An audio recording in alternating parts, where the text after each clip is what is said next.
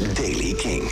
In het zuiden en midden begint de dag met mist. Daarna komt de zon. Overal. Op een paar wolkenvelden na. Temperatuur 15 graden. Nieuws over Queens of the Stone Age.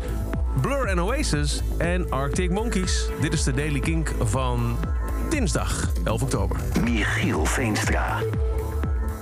Het lijkt erop dat er een nieuw Queens of the Stone Age album aankomt. De band is al een beetje aan het teasen. Ze hebben al twee Duitse festivals uh, aangekondigd. En er staan heel veel lege tourdata nog op de site. Er is iets aan de hand, dat is duidelijk. Maar er schijnt dus ook een nieuw album te zijn. En dat is bevestigd door niemand minder dan Jesse Hughes, frontman van Eagles of Death Metal.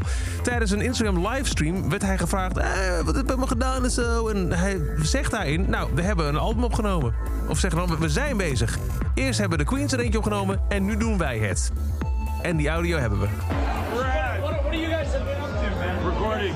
What's the Eagles up to? Recording a new record. Queens just did one, we're doing ours now.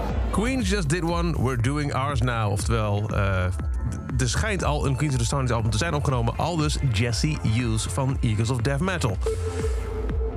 Graham Coxon van Blur zou niks liever willen dan Oasis weer bij elkaar krijgen. Uh, hij werd gevraagd in een interview met The Evening Standard uh, hoe de kans is dat Blur weer bij elkaar komt. Nou, weet ik eigenlijk niet. Daar hebben we niet echt heel veel over. Ik kan het er beter ook niet over hebben om persoonlijke redenen, wat die ook mogen zijn. Maar weet je, ik hoop het wel.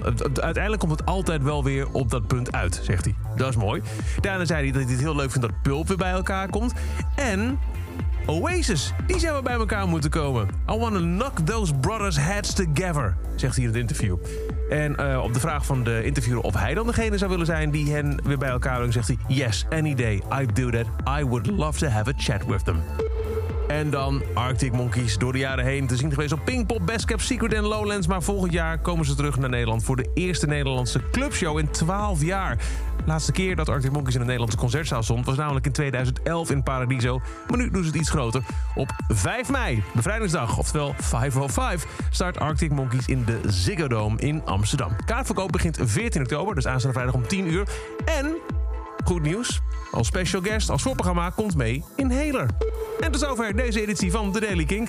Elke dag een paar minuten bij met het laatste muzieknieuws. Niks missen? Abonneer je dan op The Daily Kink in je favoriete podcast app. Of check elke dag de Kink app en kink.nl. En voor meer muzieknieuws en nieuwe muziek luister je s'avonds naar Kink in Touch.